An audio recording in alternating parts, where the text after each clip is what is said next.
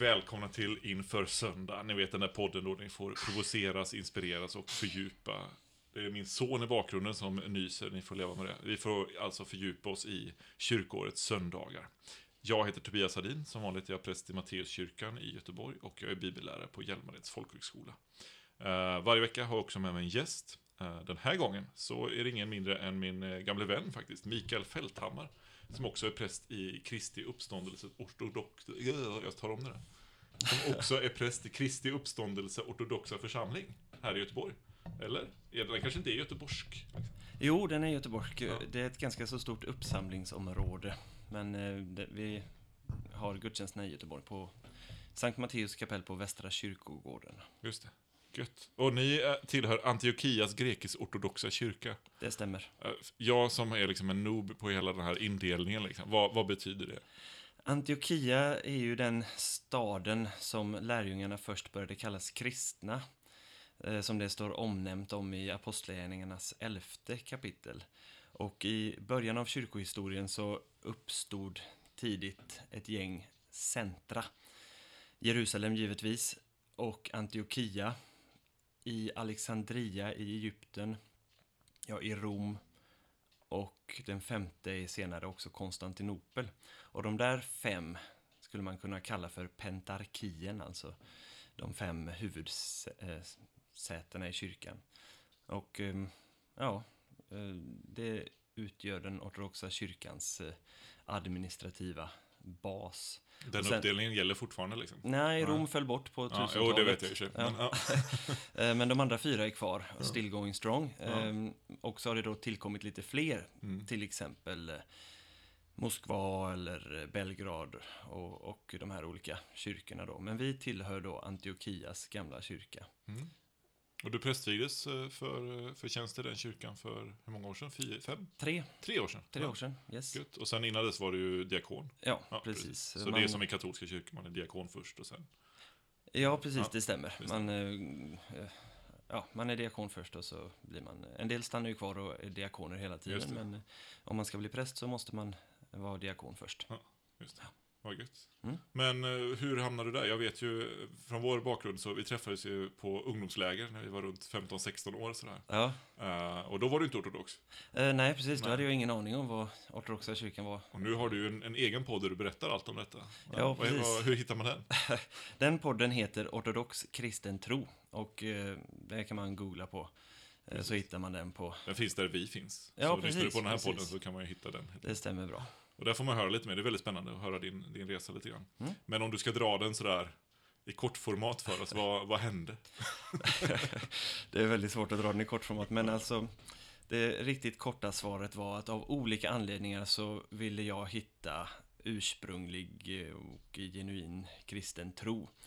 Eh, och den fann jag så småningom via både kyrkohistoriskt studium, via studium av eh, uråldriga kristna författare, kyrkofäder, ökenfäder och mödrar, studium av liturgin och sådär, så fann jag att eh, den kyrkan som jag sökte fanns kvar och var levande och verksam i den ortodoxa kyrkan idag.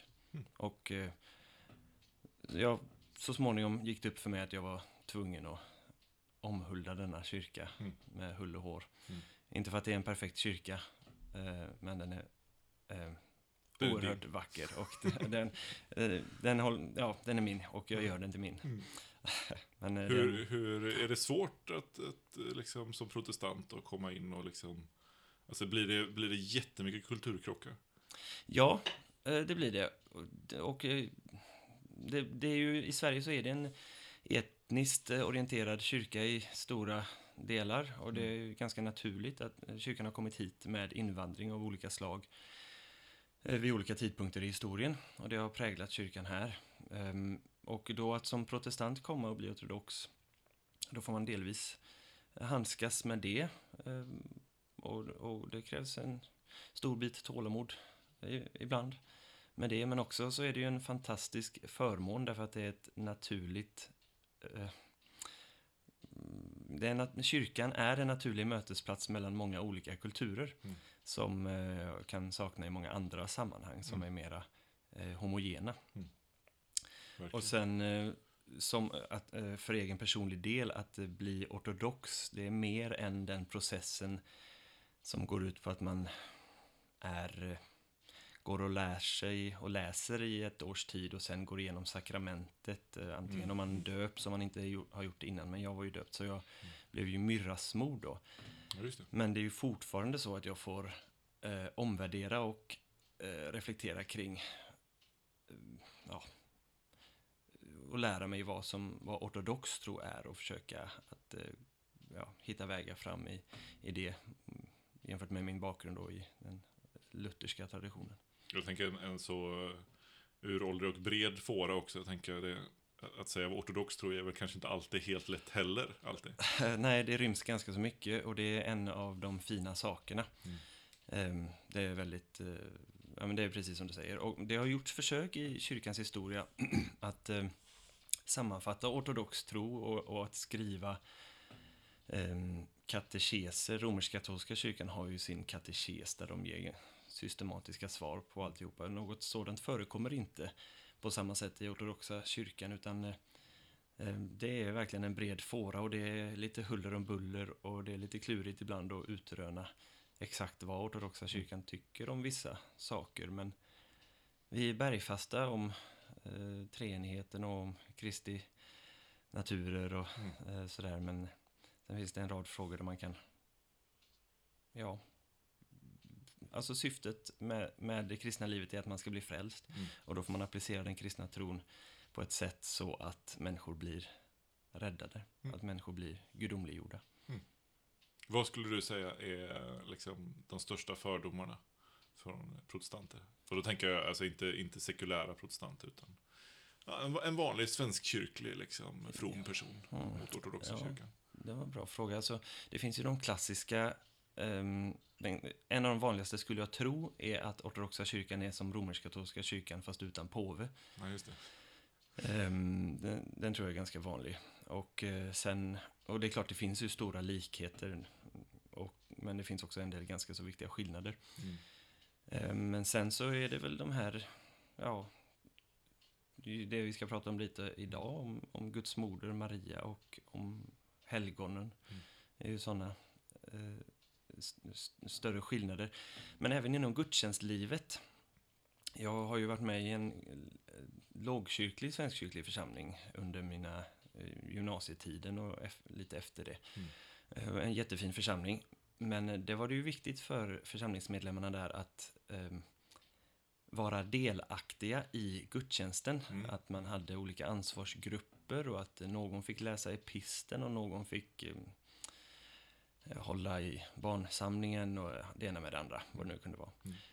Och eh, det, en gudstjänst i ortodoxa kyrkan ser väldigt, väldigt annorlunda ut och för en ovan, eh, särskilt lågkyrklig eh, protestantisk besökare så kan det framstå som att eh, den som deltar i gudstjänsten inte är med utan bara Mm, mm. står av tiden. Ja, men det, det är en, alltså, nu har jag inte varit på så många ortodoxa gudstjänster, men ibland är det ju som att den där, det, om man ska vara fördomsfull då och inte kanske förstå lite, så, så ser det ut som prästen gör sin grej där framme, liksom, och så är det kanske någon kör till som säger någonting. Sådär, Mm. ja. Eh, men sen så springer folk ut och in, liksom, och fram och tillbaka och tänder ljus, och liksom, det är lite liv i lokalen. Liksom. Ja, och för Ja. barnfamiljen är ju det en stor välsignelse. Eh, jag jag minns en gång när vi eh, hade fått vårt första barn och kom till en tidebön i ett sammanhang. Mm. Väst, västkyrklig tidebön. Mm. Och eh, då, hade vi, då var vi ju ortodoxa och var vana vid den lite friare stämningen i Mm. gudstjänstrummet. Mm. Och så kom vi till den här tidebönen och bara oj, det här är, vi har vant oss av med det. Det, det var så eh, viktigt att det skulle vara tyst, att det skulle vara stilla Ja. att på något sätt upplevelsen av gudstjänsten, jag kanske är fördomsfull själv här, men att eh, för deltagarna var det liksom, om det, om det inte var tyst och stilla, ja men då var det ingen riktigt bra tidebönsstund. Eh, och eh, ja, våran diakon i församlingen sa härom sistens, när vid senaste liturgin, att eh, eh, det finns några saker man inte kan kontrollera, olika naturkrafter och sådär. Och så räknar han upp eh, en sak och så två saker. Och så dessutom kan man inte kontrollera prästens son. Och eh, det var mot bakgrund då av att eh, våra barn hade inte lytt vad jag hade sagt åt dem före gudstjänsten, att nu skulle de bara visa respekt för de andra Mm. gudstjänstdeltagarna. Mm. Utan de hade sprungit i hejvilt. Så att det, kan, det där kan ju slå över också. Och, min erfarenhet är ju också den, alltså man kan lätt få, eller en fördom jag kanske hade, om jag ska säga det, det, var kanske att det var en striktare, eh, stelare gudstjänstform. Liksom. Mm. Och på ett sätt så är det ju så om man kommer från protestantisk lågkyrklig sammanhang. På Mm. Ja. ett sätt.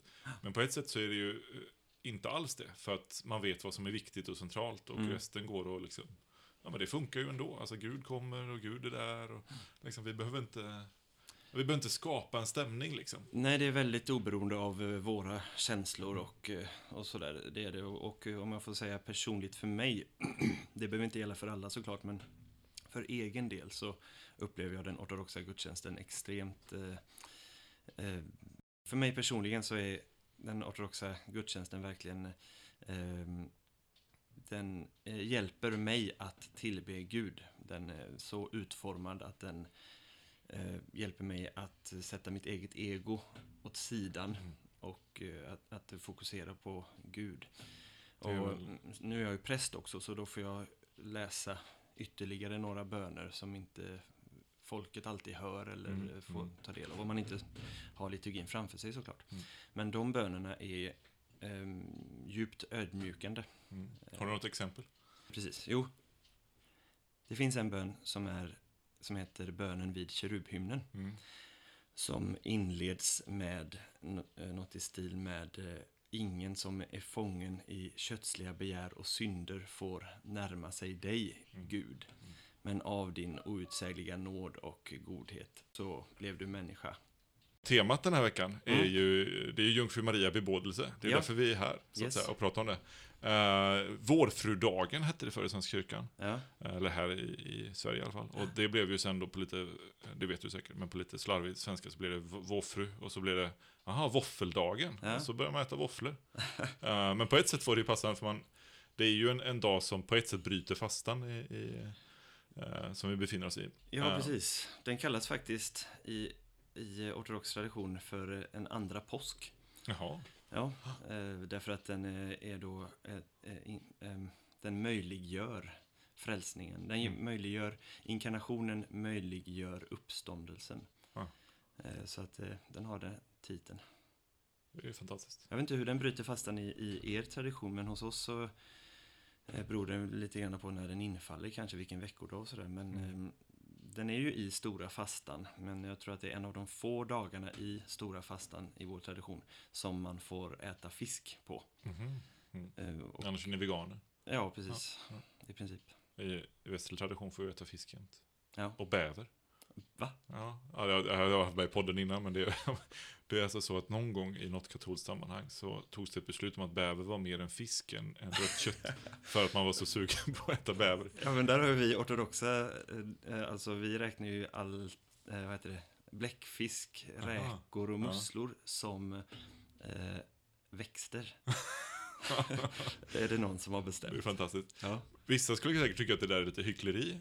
Alltså, men jag tänker så här, det, det viktiga med fastan är ju inte att hålla en regel. Mm. Utan det ska ju hjälpa oss att, att liksom forma om våra liv och närma oss Kristus och frigöra oss. Liksom. Där är Och, lite- och ja. då är det liksom inte så viktigt att ja, men det är fine att liksom, hitta lite fusk så länge det hjälper oss. Liksom. Ja, Tänker jag. Ja. ja, verkligen. Alltså, jag minns när vi blev ortodoxa och berättade om fastan och berättade att det viktigaste med fastan är inte att hålla fastan. Mm. Det var lite provocerande för ganska så många, även kristna. Mm. Eh, för att man tänker att, jag gissar att det bottnar i att religion är a set of rules. Mm. Eh, ja, regeluppsättning Mm. eller vad man säger. Mm. Eh, men nej, fastans mål är att du ska bli ödmjuk. Och det blir man ganska snabbt när man upptäcker hur dålig man är. Ja. Eller, jag ska tala för mig själv. Från första Samuelsboken kapitel 2. Så bad Hanna. Mitt hjärta jublar över Herren, jag kan bära huvudet högt. Jag kan skratta åt mina fiender, i glädje över att du har räddat mig. Ingen är helig som Herren, det finns ingen utom du. Ingen klippa är fast som vår Gud. Sluta upp med ert stolta skryt, spara de fräcka orden. Ty Herren är en Gud som vet allt. Han väger varje gärning. Hjältarnas båge är bruten, men de svaga rustas med ny kraft. De som var mätta måste slava för brödet, och de som hungrade vilar från mödan. Sju söner får den ofruktsamma, medan den barnrika vissnar bort. Herren dödar och ger liv, leder ner i dödsriket och räddar därifrån. Herren gör fattig och han gör rik. Han förnedrar och han upphöjer. Den hjälplöse reser han ur gruset, den fattige lyfter han ur dyn. Han ger dem rum bland furstar och låter dem trona på hedersplats. Ty jordens fästen tillhör Herren. På dem har han lagt jordens rund. Herren skyddar sina trogna steg. Men det onda går under i mörkret. Av egen kraft lyckas ingen. Herrens fiende krossas när den högste dundrar i himlen. Herren dömer jordens alla länder. Åt sin konung ger han styrka. Lyfter högt sin smoders spira. Läser från Kolosserbrevet 1. Sonen är den osynlige Gudens avbild, den förstfödde i hela skapelsen. Ty honom skapades allt i himlen och på jorden, synligt och osynligt, troner och herravälden, härskare och makter. Allt är skapat genom honom och till honom. Han finns före allting, och allting hålls samman i honom. Och han är huvudet för kroppen, för kyrkan. Han som är begynnelsen, förstfödd från de döda till att överallt vara den främste. Till Gud beslöt att låta all fullhet bo i honom och genom hans blod på korset stifta fred och försona allt med sig genom honom och till honom. Allt på jorden och allt i himlen. Från Lukas evangeliets första kapitel, vers 26 till 38. I den sjätte månaden blev ängeln Gabriel sänd från Gud till en ung flicka i staden Nasaret i Galileen. Hon hade trolovats med en man av Davids släkt som hette Josef och hennes namn var Maria. Ängeln kom in till henne och sade Var hälsad, du högt benådade, Herren är med dig. Hon blev förskräckt över hans ord och undrade vad denna hälsning skulle betyda. Då sa ängeln till henne Var inte rädd, Maria, du har funnit nåd hos Gud. Du ska bli havande och föda en son och du ska ge honom namnet Jesus. Han ska bli stor och kallas den högstes son. Herren Gud ska ge honom hans fader Davids tron och han ska härska över Jakobs hus för evigt och hans välde skall aldrig ta slut. Maria sade till ängeln, hur ska detta ske? Jag har ju aldrig haft någon man. Men ängeln svarade henne, helig ande ska komma över dig och den högstes kraft ska vila över dig. Därför ska barnet kallas heligt och Guds son. Elisabet, din släkting, väntar också en son nu på sin ålderdom. Hon som sades vara ofruktsam är nu i sjätte månaden, ty ingenting är omöjligt för Gud. Maria sade, jag är Herrens tjänarinna, må det ske med mig som du har sagt. Och ängeln lämnade henne. Eh, en författare som heter Nikolas Kabasilas lyfter fram. Han skriver så här. Inkarnationen var inte bara ett verk av Fadern och hans makt och hans ande. Det var också ett verk av jungfruns vilja och tro. Mm. Och det sammanfattar väl egentligen hela anledningen till varför ortodoxa mm. Vördar Maria. För mig var det, alltså från att då ha tänkt klassiskt, så här, nej, men Maria är ju ashäftig att hon går med på detta, det är ju coolt liksom. Vilket mm. föredöme. Mm. Eh, och så räcker det så. Till att ja, jag var på, um, i Assisi. Mm. Och så var jag nere, jag kunde inte sova, så var jag och bad i uh, lite kapell där som fanns. Så är det ett litet stenkapell och det var inte mycket, men så fanns det en liten ikon på Maria insprängd i, i väggen. Mm. Uh, och någonstans där så bara uh, fick jag en av, av ja, inte ofta jag har så här andliga upplevelser, men där, där, fick jag en av mina andliga upplevelser där jag så här, uh, bara, nej men, tjäna vad jag inte har tagit tillvara på Maria, fick mm. jag liksom som en sån känsla eller tanke. Och, och, i där så föddes på något sätt med en gång massa tankar liksom. Och det här stora att, att just att, men, i hennes kropp, så, alltså hon samverkar. Alltså utan henne så skulle inte Jesus vara fullt ut människa. Mm. Alltså hon är andra hälften av inkarnationen som du var inne på här liksom. Mm. Eh, Om man nu kan dela upp det sådär. Men, men eh, och det är ju helt sjukt. Alltså det finns, det finns ju ingen människa i historien som har varit eller som kommer som kommer ha den positionen så att säga, eller den Nej. situationen i sitt liv. Precis. Och, och att bara så här rycka på axlarna och säga att hon är ett bra föredöme i lydnad eller trohet eller Ja. hopp eller whatever.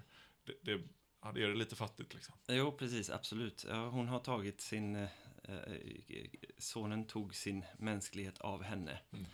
Eh, och eh, det måste vara så. Eh, men hon, eh, hon sa ja, må det ske Mm. med mig, som du har sagt. Och det är liksom inkarnationens andra Mm. förutsättning. Mm. Ja, det är, precis som du säger, helt eh, Ehm,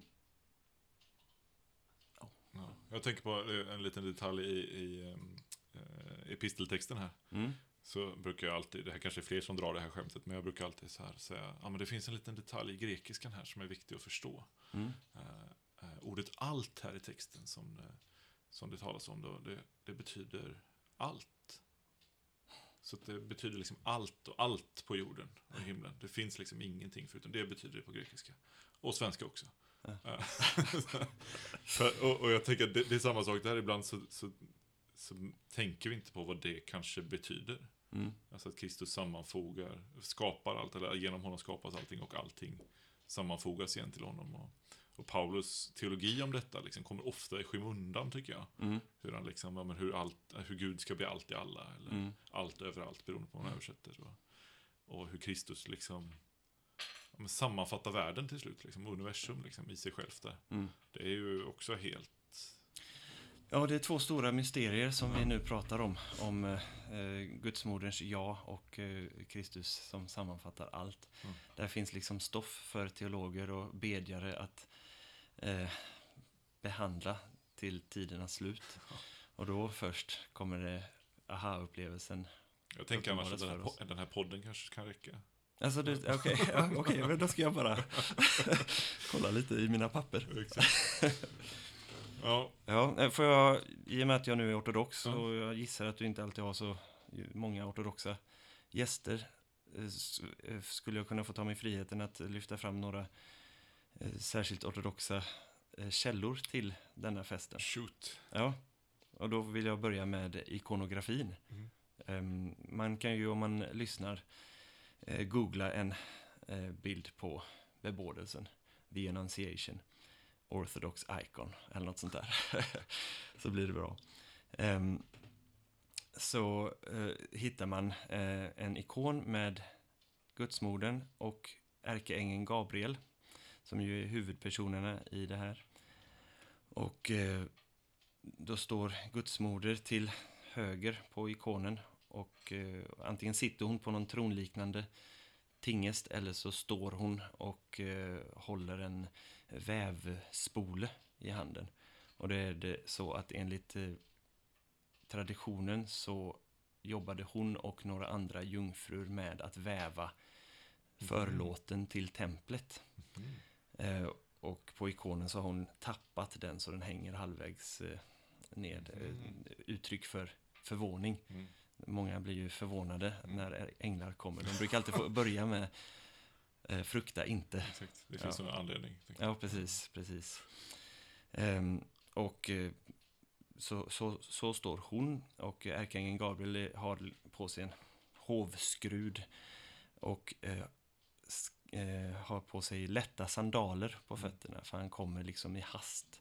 Mhm. Eh, är det, ska det se ut eh, Mm. som och därför kan han se lite vingarna kan se lite konstiga ut på ikonen så det ska, det ska symbolisera att han kommer i hast antagligen för att han just har fått reda på detta otroligt stora mysterium. Aha, han liksom, Gud har bara, du, ska jag berätta en sak? Ja, Ja, han bara, shit, jag måste dra. ja fast utan shit men ja, eh, ja, ja, skulle de ju aldrig säga änglarna. Nej, förlåt. Ehm, men precis, alltså det framställs så i hymnografin sen mm. att eh, han har just fått reda på det och han skyndar sig för att berätta för eh, Guds moder då. Och ehm, eh, i, i, ehm, eh, nu ska jag se, jo, eh, ikonen av bebådelsen finns på ikonostasens centrala portar. Mm. Alltså den här väggen som mm. skiljer altaret från eh, skeppet i ortodoxa kyrkor. Och det är för att eh, inkarnationen möjliggör uppståndelsen. Ja, det är frälsningens början, så sjunger man i festens huvudhymn. Mm. Idag är frälsningens början. Mm. Eh, och det är då tillblivelsen i, i, i, av Kristus i Jungfru Maria. Får jag skjuta in en grej där? Jag Ja, stöter på, nu vet jag inte hur utspritt det är i ortodox kyrkan, det kanske är allmängods liksom, men, men eh, i västkyrkan så vill man ju alltid lista ut hur Jesus försonar världen med sig själv liksom, och så målar man upp massa teoretiska bilder. Och så ja, tror man att vi ska komma någon vart med det där liksom, Ja. istället för att Ja, du vet. Ehm, men och så stötte jag på då en, bara, nej men alltså västkyrkan missar ju helt att det, ja, det är klart att det händer någonting på korset och i uppståndelsen, men, men det är ju inkarnationen som gör att, att eh, liksom, materien kan bli, eh, bli förenat med Gud liksom. Mm. Och det är där frälsningen, så att säga, ja, det är där sker försoningen också. Mm. Alltså, ja. ja, precis. Alltså, eh, I kraft av sin mänskliga natur får Kristus tillgång till dödsriket och i kraft av sin gudomliga natur till intetgörande. Mm. Om man läser påskpredikningar, både Gregorius, teologen, Mm. och eh, Johannes Chrysostomos talar om temat att eh, Kristus kommer med en, eh, du vet när man metar eh, en krok Mm. ner till dödsriket. Och då sjunger kyrkan dödsriket svalde en kropp. Eh, eller dödsriket mottog en kropp men svalde Gud eller något sånt där. Jag minns inte exakt. Så att det är ja, men som en mört som har, eh, tro, Ja, ja, trodde den skulle få en mask exakt. men Ja. eh, blir uppfångad istället. Så att eh, i den mänskliga naturen gömmer sig det gudomliga. Vad är det uppe? Precis, men så den mänskliga naturen är nödvändig för eh, vår frälsning, Mm. givetvis. Mm. Annars kan han inte vara en medlare eh, mellan de båda. Ehm, så det är lite grann om ikonografin. Eh, och i, om man kollar på hymnografin, det finns ju ett jätterikt material och där kan vi inte gå igenom alltihopa. Men ehm, för lyssnaren så kan det vara intressant att veta hur den ortodoxa kyrkan har tagit till sig Bibelns material. Nu Mm. läser vi inte just den här gamla testamentliga läsningen eller episten vid den här högtiden. Vi har en läsning från Hebreerbrevet istället. Men eh, vi läser samma text från Lukas. Ja. Eh, men där är kyrkan, alltså ortodoxa kyrkan, väldigt noga med att betona eh, jungfruns frivilliga svar. Mm. Och eh, biskop Callistus Ware, som säkert några känner till, han skriver att när kyrkan värdar Guds moder är det inte bara för att Gud utvalde henne, utan också för att hon valde vad som är rätt. Mm. Och det är ju också Eh, då varje kristens uppgift att liksom, eh, vad ska man säga, sammanföra sin vilja med Guds vilja. Mm. Och jag vet inte om många tror att det är omöjligt, men eh, i, jag, jag upplever i den traditionen där jag står nu att det verkligen finns en, en hoppingivande helgelseprocess som, är, som, är väldigt, som har en stor och positiv syn på människan. Mm. Det där Symeon teologen säger på något ställe att eh, säg inte att det är omöjligt för människan att bli ett helgon. Mm. Eh, alla helgon som har blivit det var människor precis som du och jag. Enda skillnaden var att de, ja, Precis. deras vilja och Guds nåd samarbetade, samverkade till eh, helgelse för dem. Ja, då använder vi helgonen fel. Liksom. Då blir ju de en, en ursäkt istället för ett föredöme, tänker jag. Om, Ja. blir så här. Jag minns Dorothy Day sa alltid det. Uh, gör mig inte till ett helgon för ni får inte avfärda mig så lätt. Just det. Eh, när folk sa att Åh, du är så himla bra och wow, vilken fin, du kommer bli ett helgon. Mm. Och det var ju talande just utifrån detta att så här, nej, men, då har vi gjort dem ofarliga i, ibland liksom, genom att göra dem som, så ouppnåeliga. Liksom. Ja, men alla är ju kallade till det. Mm. Eh, Så det ska verkligen inte vara så att de är eh, frånskilda från oss eh, kristna, utan det är ju vår kallelse. Och det är också, det är inget sådär, det är, det ingen jobbig kallelse, utan det är ju vår grundläggande kallelse Mm. som vi är skapta till. Nej, men det är ju vår upprättande mänsklighet, tänker jag. Det är då vi är helgon. När Ja. vi blir människor. Ja, fullt precis. liksom. ja. Ja, just det. Jag brukade den förre patriarken av Serbien eh, säga, patriark Pavle, som av många betraktas som en helgonkaraktär. Mm. Han sa, låt oss bli människor. Mm. Och syftade just på det. Och hans tid var ju präglad av väldigt, ja, väldigt turbulens där nere på Balkan. ja, verkligen. Ja, Ja. Eh, jo, men i, i hymnografin så betonas då, eh, man lägger upp det som en dialog mellan ärkeängeln Gabriel och jungfru Maria och eh, lägger ut det skriftmaterialet som finns. Och betonar att Maria blir väldigt förvånad när ärkeängeln kommer. Ärkeängeln är också förvånad, han är liksom paff över det fantastiska som ska Mm. ske, som inte ens han eh, kan greppa. Men han förmedlar, han är liksom budbäraren och Guds moder är eh, paff och förvånad. Och, och, eh, eh, och detta, så har man författat hymnerna för att mer eh, lyfta fram frivilligheten i eh, hennes gensvar sen. Mm. Att eh, trots att hon är så eh, förundrad över det som ska ske så är hon eh, redo att eh, tacka ja. Och det är det som är hennes stora. Det är inte så i ortodox tradition att hon tackar ja på grund av att hon är född ja, av en obefläckad avlelse just av arvsynden. Ja, eller något sånt ja. där. Vi har inte det lika. som ju finns i katolska kyrkan då, får vi säga. För Ja, precis. Ja, precis. Eh, så den läran har inte vi, den tycker vi är eh, inkonsekvent. Mm. Och den faktiskt förminskar Maria eh, från vårt perspektiv Mm. sett. Utan Maria var en människa och just för att hon levde som en sann människa så eh, vördar vi henne. Mm. Så det, ja. Det är häftigt. Det är väldigt tydligt att det är frivilligt, Mm. hennes ja. Och det kan ju vara väldigt, alltså, det, det blir ju lätt eh, i sekulära skämt om inkarnationen ibland som att det nästan är någon slags våldtäktssituation liksom, Mm. där Gud ger sig på en stackars, ja, du vet. Mm. Och där, vi kan, tror inte vi kan nog betona den här biten, liksom att, nej men det här handlar ju om att Maria eh, tar på sig ett uppdrag, liksom. Mm. Och, och visst, hon får en fråga, men det är en fråga. Mm. Liksom. Ja. Vi, vi måste kunna tänka att, att hon skulle kunna ha sagt nej. Ja, precis. vad det skulle innebära, det kan ju inte någon av oss svara på, men, men liksom, det, det måste liksom varit möjligt för henne, så att säga. Mm. Ja, men, och jag tror, ja, det är verkligen jätteviktigt i vår tid att betona det. Eh, jag har ju sett frågor som just på allvar frågar eh, var det en våld, våldtäkt eller sådär. Mm.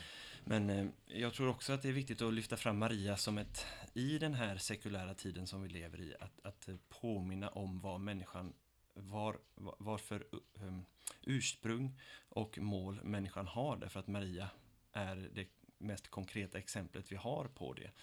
Och det lyfter upp eh, människor, både män och kvinnor, eh, har en förebild i Maria som är en liksom sann människa. Och det är också något som återkommer i hymnografin. Nu eftersom Maria är en kvinna så betonas särskilt att, eh, kontrasten mellan henne och Eva. Mm. Så Irenaeus skriver på något ställe ungefär så här att Ty Eva förleddes av en ängels ord att fly från Gud efter att ha gjort uppror mot hans ord. Så tog Maria en ängel emot det glada budskapet att hon skulle föda Gud genom att lyda Guds ord. Den förra, alltså Eva, Mm. förleddes att inte lyda Gud och föll därför. Men den senare lydde Gud så att jungfru Maria blev Evas försvarsadvokat. Så då hela mänskligheten lades under dödens välde av en jungfrus övertramp så blev den frälst av en annan jungfrus lydnad. Mm. Så de här två kvinnorna kontrasterar varandra Mm.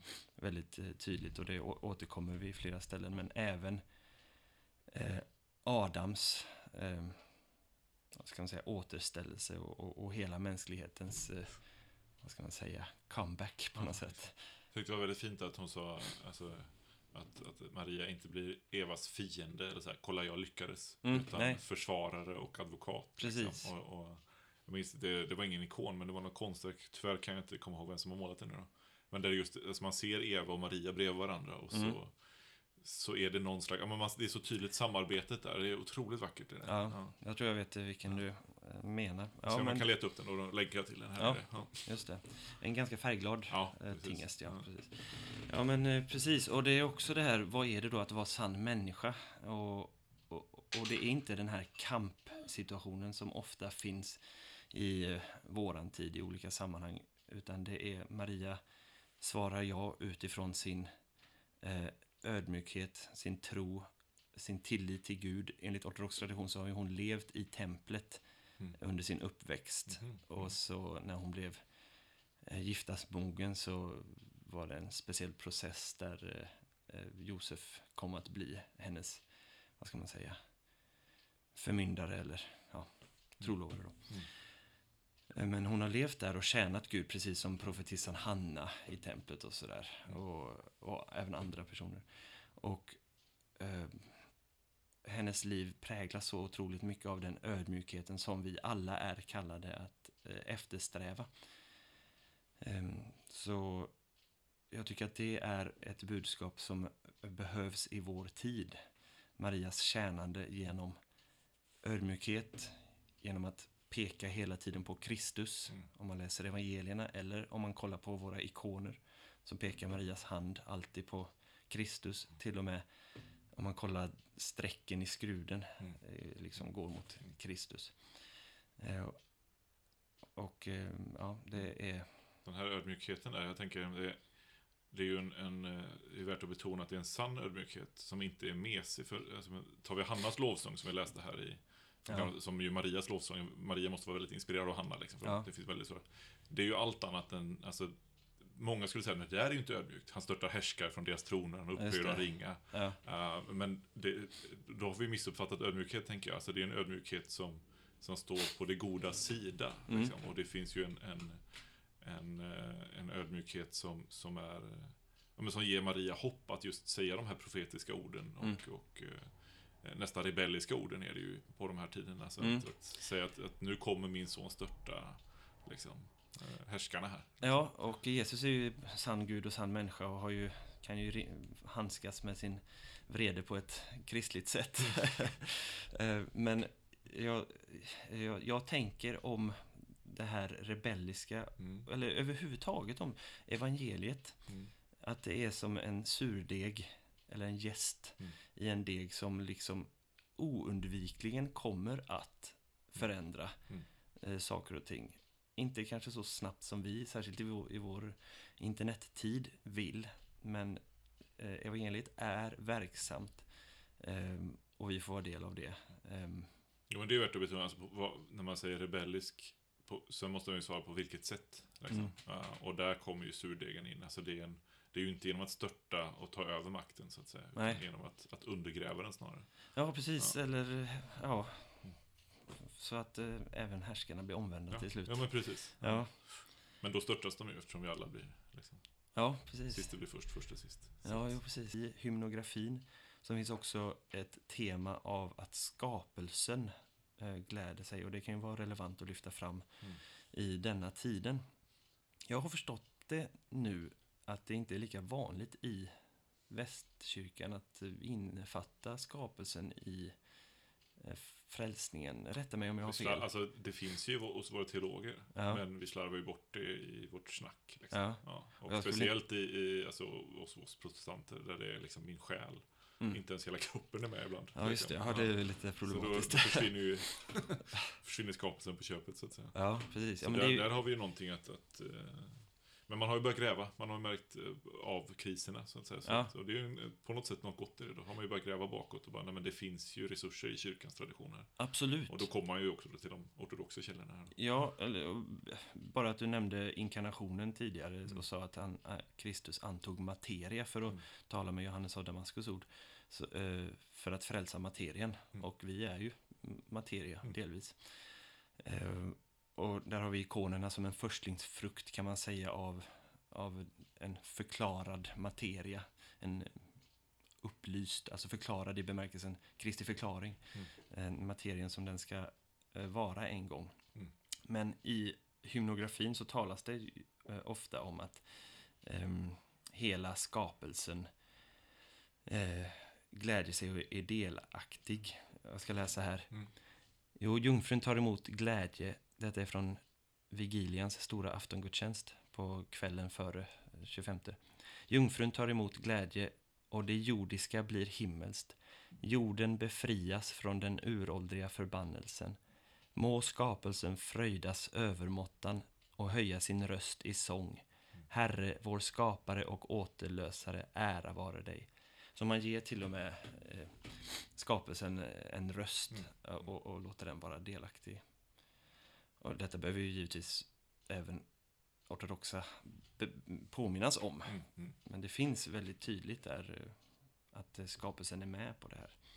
Exakt hur det kommer bli Nej, återstår att se. absolut. Men, nej, men det är ju superviktigt. Och det är ju extremt spännande att liksom se att det är inte så här en modegrej för kyrkan. Ja, men nu måste vi komma på en skapelsesteologi. Utan Ja. det, det finns en skapelsesteologi.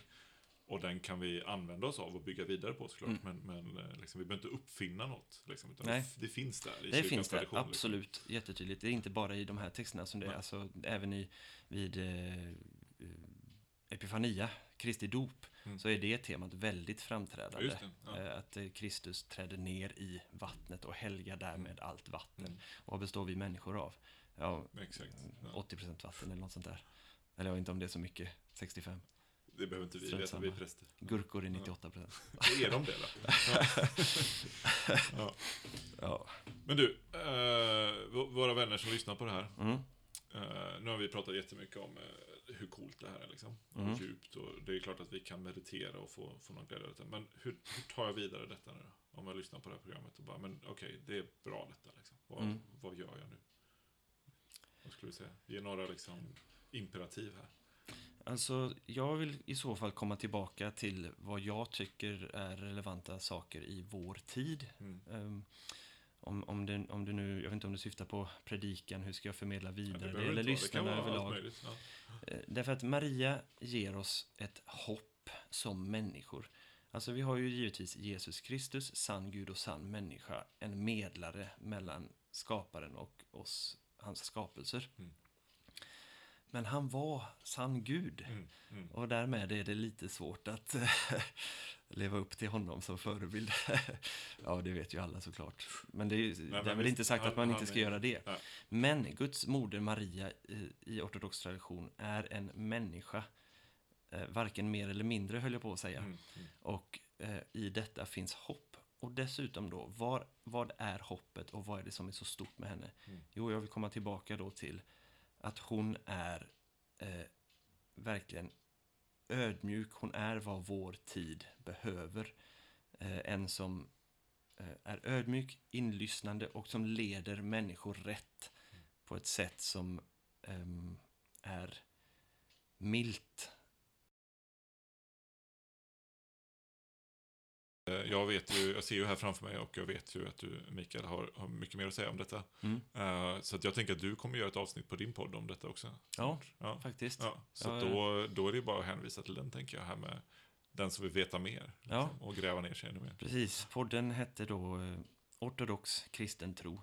Det är ganska lätt att komma ihåg om man funderar på just den där podden om ortodox kristen tro. Vad heter den? Ortodox kristen tro. Det är ändå gött att du, du måste nästan vara först i Sverige, va? Ja, precis. Ja. Alltså, det finns ju en viss eh, tacksamhet med Mm. att vara den första. Jag brukar säga att det är den första och bästa och enda ortodoxa svenska podden. Du, vad, vad gött att du ville vara med. Mm. Eh, Det blir säkert fler gånger framöver. Mm. Eh, Ta hand om dig, hälsa din familj och var välsignad i i ett församlingsarbete. Tack så mycket och tack detsamma.